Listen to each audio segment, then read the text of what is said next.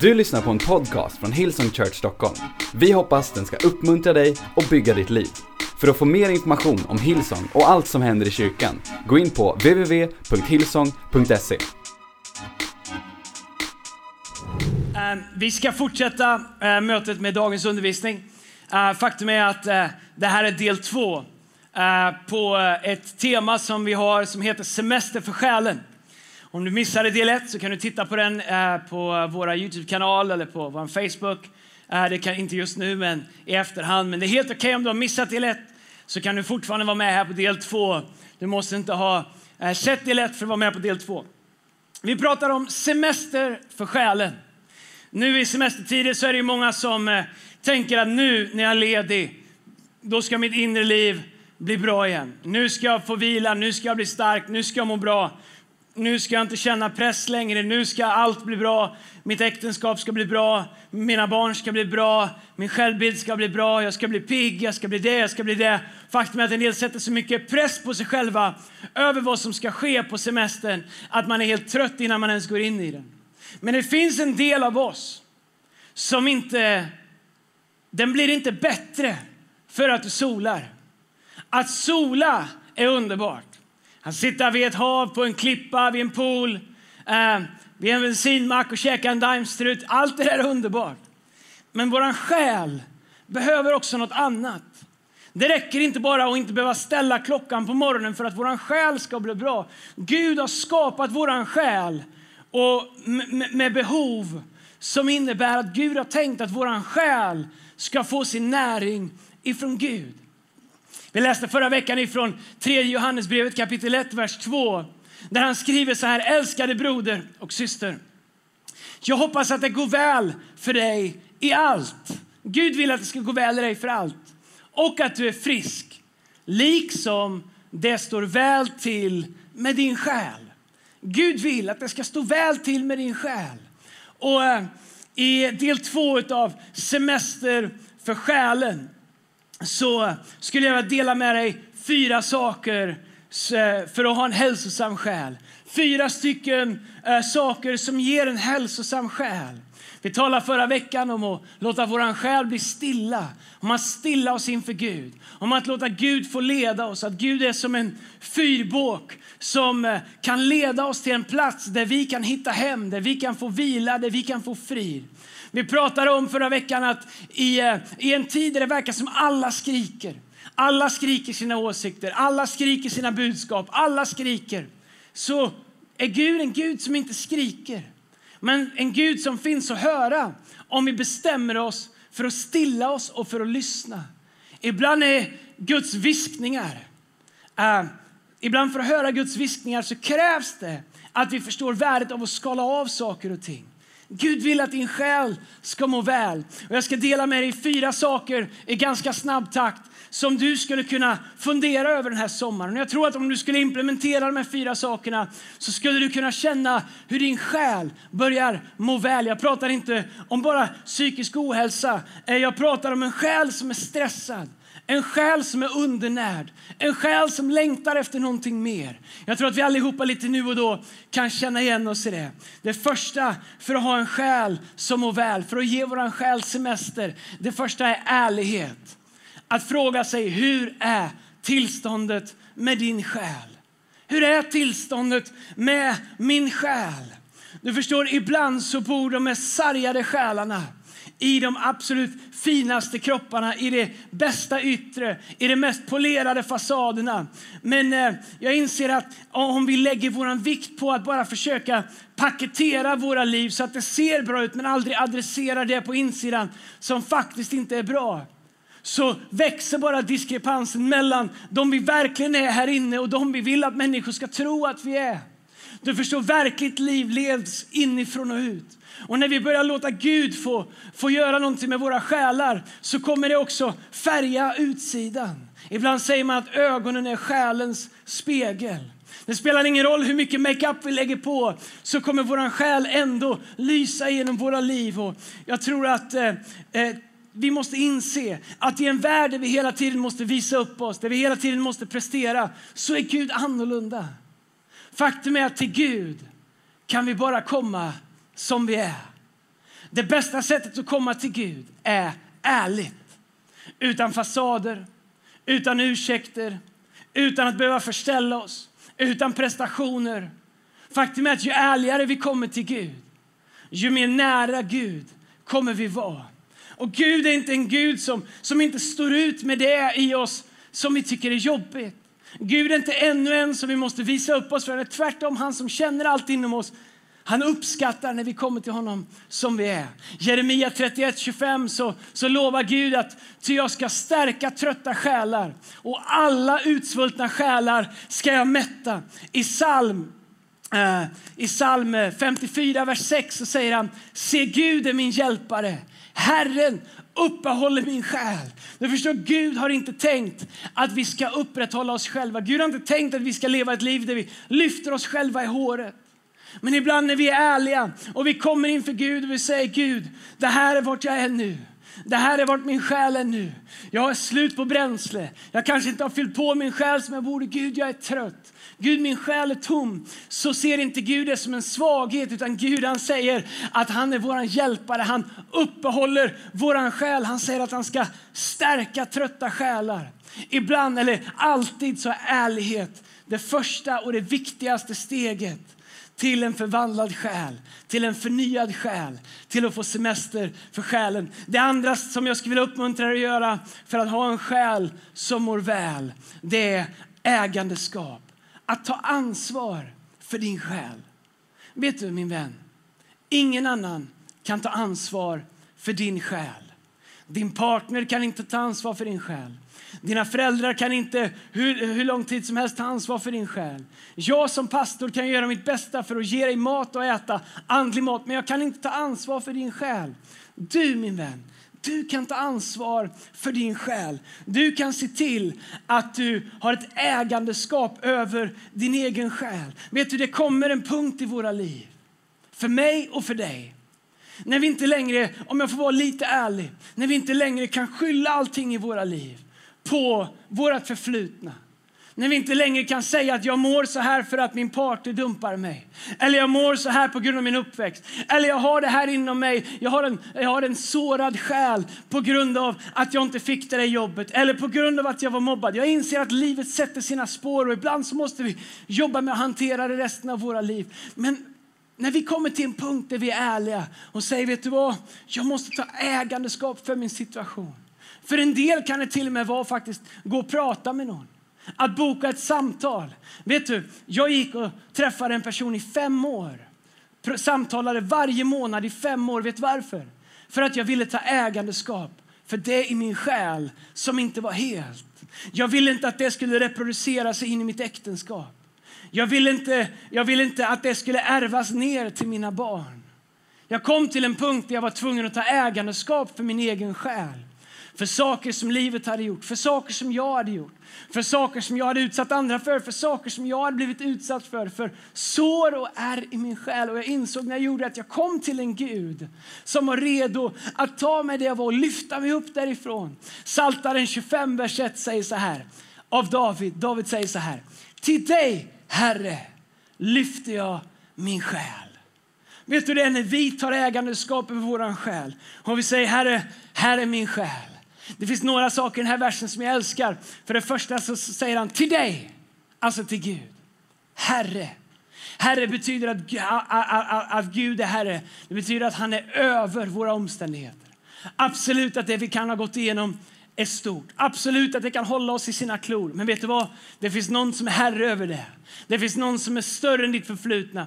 Det finns någon som är större än det som människor har gjort mot dig. Det finns någonting som är större än depression, som är större än ångest, som är större än psykisk ohälsa. Det är Gud. Han är herre över allt. Så David säger till dig, Herre, lyfter jag min själ. Det jag älskar med David när man läser om David är att han är brutalt ärlig. Han är så ärlig så att ibland så bara tänker man varför var han så, eh, att han inte skäms. Han var så uttömmande. Men han har funnit det viktigaste, att vi kan komma till Gud som vi är. Men att vi inte bara kommer till Gud för sympati. Gud har sympati. Gud har empati. Men att vi också kommer till Gud och inser att Gud kan göra en skillnad i våra liv. Så David han säger i psalm 103, vers 2, han säger lova Herren min själ och glöm inte alla hans välgärningar. Det David gör är att han tar ägandeskap över tillståndet i sin själ. Hans själ är på en plats där den håller på att dra honom ner. Men vet du vad? David, han steppar in i sin egen tillvaro. Och jag säger inte att det alltid är lätt. Jag säger inte att det alltid är det naturliga. Men det är alltid en väg framåt. Så David han bestämmer sig till sin egen själ. Han säger till sin själ, min själ, lova Herren. Han säger, min själ, jag vet att du har ångest, men min själ, lova Herren. Och så säger han, glöm inte alla hans välgärningar. Han säger min själ, jag vet att allt känns neråt nu. Jag vet att allt vill få dig att sing in the blues. Men han säger, min själ, glöm inte allt gott Gud har gjort. Och så börjar han påminna sig själv om allt han har att vara tacksam över. Ibland när min själ vill dra mig ner så glömmer jag allt jag har att vara tacksam över. Saker och ting jag en gång stod i tro för att Gud skulle ge in i mitt liv kan så enkelt när min själ inte på en bra plats bli en börda och bli någonting som jag säger Gud, åh, jag måste göra det, jag måste göra det. Saker som en gång var välsignelse skapar stress. Då behöver man göra som David och påminna sin själ om allt gott som Gud har gjort. När du tar ägandeskap över din själ, när du tar ansvar för vart du är i din själ, då kan Gud göra mirakler i ditt liv när du bestämmer dig för att lyfta upp din själ till Gud. Ibland när vi är ärliga så måste vi säga Gud min själ är här. Okay? Men ibland så kan vi ha en attityd av att jag säger bara som det är. Det här är vad min själ är och det är fine. Gud säger, du behöver inte förställa dig för Gud eller för någon annan heller. Men att där jag är som själ, att definiera det som en slutdestination. Så här, det här är vem jag är och det får jag leva med. Det är inte vad Gud har för dig. Du kan vara ärlig och säga Gud, det här har varit min själ men Gud, jag vill lyfta upp min själ till dig för jag vet att det här är inte dina planer för mig. Det här är inte din intention. Det här är inte dina löften. Det här är inte vad Bibeln säger är min lott i livet. Min lott i livet är inte att leva nere. Mitt lott i livet är inte att leva nedslagen. Gud, dina löften säger att du vill lyfta upp min själ. Ibland behöver vi bara fatta ett beslut och i tro börja lovsjunga Gud, lyfta upp våran själ så att Gud kan ge oss frid på insidan. Så det första är ärlighet, det andra är ägandeskap, det tredje är näring. Vem får tala in i din själ? Du förstår, ord har en enorm makt i våra liv. Många av oss vi har fått kämpa med saker som människor har sagt. För en del av oss har det varit en mening som någon har sagt för länge, länge sedan som de har glömt för länge sedan att de sa. Men vi får leva vidare med det som sades därför att det gav en sorts näring åt vår själ som började forma våra liv. Min vän, vart hämtar du näring till din själ? En del står framför spegeln och de kämpar med när de ser och de låter spegeln få tala in i deras liv. De låter spegeln få ge näring till sitt inre liv. En del av oss vi, vi tittar på andra människor och så ser vi på oss själva och tycker att alla andra är så mycket bättre. Och så ser vi ner på oss själva och så låter vi det bli näringen i våra liv.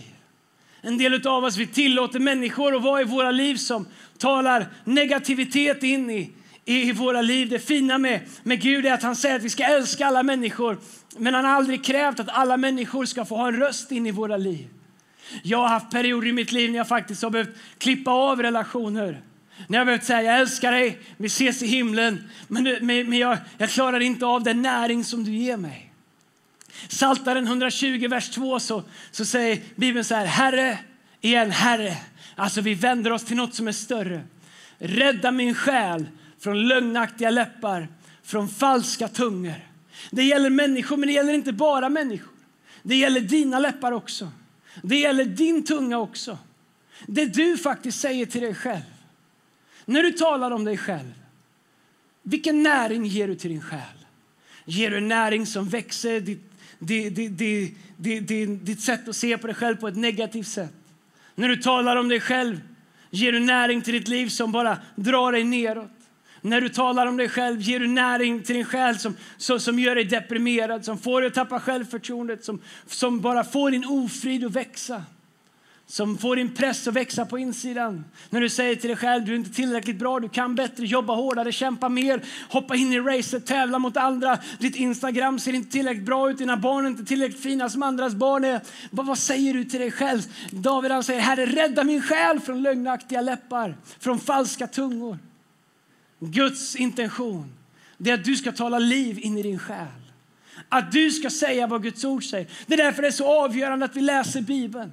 Det är därför jag har med så mycket bibelord idag. Därför att det viktigaste är inte vad jag säger om dig, det viktigaste är vad Gud säger om dig. Bibeln säger att Guds ord ger näring till våra ben. Guds ord ger näring till våra liv.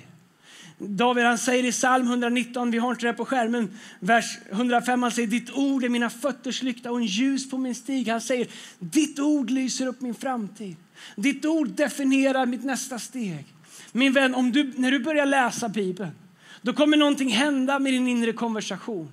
Och du kommer börja säga om dig själv vad Gud säger om dig.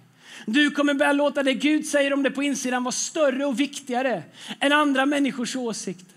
Bibeln säger att vi ska lyssna på goda råd. Bibeln säger att vi ska lyssna på bra vägledning. Bibeln säger att vi ska lyssna på vishet. Men här är en sak jag upptäckt med goda råd, med gudomlig vägledning. Den lämnar dig alltid och känna, får dig att känna dig bättre när den har talat till dig. Gud kommer alltid, även när han tar tag i saker i oss som behöver ändras, så gör han det på ett sätt som vi faktiskt känner oss upplyfta. Gud kan till och med tillrättavisa oss på ett sätt så att vi faktiskt känner oss uppmuntrade. Därför så Gud, han är glädje. Gud, han är tro. Gud är hopp. Gud är framtid. Så när du läser Guds ord, när du börjar lyssna på Guds röst. Förra veckan så pratade vi om, eh, om att vi gjorde mina första 15. Att vi började dagen med lovsång och läsa Bibeln och bön. Varför gör vi det? Därför att det, det, det får oss att börja med vad Gud säger om oss. Vem Gud säger att vi är. Inte alla våra egna tankar eller andra människors tankar. Ha för vana innan du öppnar Instagram och jämför med någon annan. Att öppna Bibeln och ta reda på vad Gud säger om dig och låt det definiera vem du är. Bestäm dig för att låta Gud ge näring till ditt inre. Det fjärde och sista för en hälsosam själ är submission. Det är inget modeord 2020 att underordna sig. Inte någonstans i samhället, inte någonstans får du höra att vi som människor är kallade till att underordna oss. Vem är din själ underordnad? Det som definierar din själ är det som din själ är underordnad. En del av oss, vårt förflutna, är det som vår själ är underordnad. En del av oss, våra känslor, är det som vår själ är underordnad. Varje känsla som kommer in får ta tag i oss och vår själ är underordnad varje intryck och känsla som vi har. En del av oss är våra eh, prestationer, det vi klarar av att leverera. Är det bra så är vår själ bra, är det dåligt så är vår själ dålig. Vår själ är underordnad våra prestationer. En del av oss, vår själ är underordnad gamla oförrätter. Saker som människor har gjort. Men vet du vad? Det som din själ är underordnad är faktiskt det som är herre över din själ. Och om du vill få en själ som mår väl så är det dags att göra sig av med allting det här som vill bli herre över din själ. Att sluta vara underordnad andra människors åsikter. Att sluta vara underordnad gamla oförrätter. Förlåt dem, släpp dem, gå vidare. Gud kan hjälpa dig med det. En del av er som hör mig säga att tänker du vet inte vad jag har gått igenom. Och det är sant, jag vet inte. Men jag vet att Jesus, som både Gud och människa, hängde på ett kors efter att vara spikad, efter att ha varit förlöjligad och förnedrad och sa till dem som hade gjort det, Herre förlåt dem för de vet inte vad de gör. Han gjorde inte det som Gud, han gjorde det som människa. Det finns kraft hos Gud att gå vidare från människor som har gjort dig illa. Låt inte det längre vara herre i ditt liv. Låt inte det definiera din själ. Utan underordna dig Gud. Titta här i psalm 23. Ett av de mest citerade bibelorden runt om i världen som vi älskar för att söka tröst. Där står det Herren är min herde. Mig ska inget fattas. Vilket fantastiskt löfte. Men lyssna, det finns två nyckelord i den första frasen där det står Herren är min herde. Vet du att alla vill att Herren ska vara vår herde? Alla vill att han ska leda oss till gröna ängar, att han ska föra oss till vatten där vi finner ro. Men det börjar med att säga att Herren är min herde. Bara när du låter Gud vara Herre i ditt liv, bara när du låter Gud vara större än allt annat i ditt liv, kan han fullt ut vara din herde kan han fullt ut göra så att ingenting fattas? Kan han fullt ut göra så att han kan föra dig till ängar där du, där du får näring? Kan han fullt ut föra dig till vatten? Kan han fullt ut göra allt det som han har lovat? Kan han fullt ut vara den som säger att endast godhet och nåd ska följa dig i alla dina livsdagar? Min vän, vart du än är, vem du än är. Semester för själen. En hälsosam själ kommer inte ifrån en hjälp dig själv-kurs. Den kommer inte ifrån fyra veckor utan måsten. Det är allt det där kan få dig att känna dig bättre och få dig att hämta energi och allt det där är bra. Jag säger inte att det är fel. Jag säger bara att ditt inre, din själ behöver mer för att må väl. Din själ är en bit av Gud på insidan av dig. Din Bibeln säger att när, när Gud hade skapat Adam så andades Gud liv in i honom. Adam var bara en kropp, men han fick liv, han blev människa när Gud andades sin egen andedräkt in i honom. Vet du, Gud vill andas sitt liv in i dig. Igen och igen och igen och igen.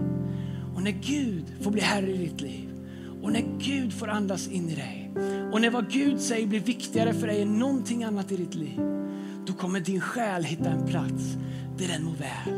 Min vän, du kan bli fri.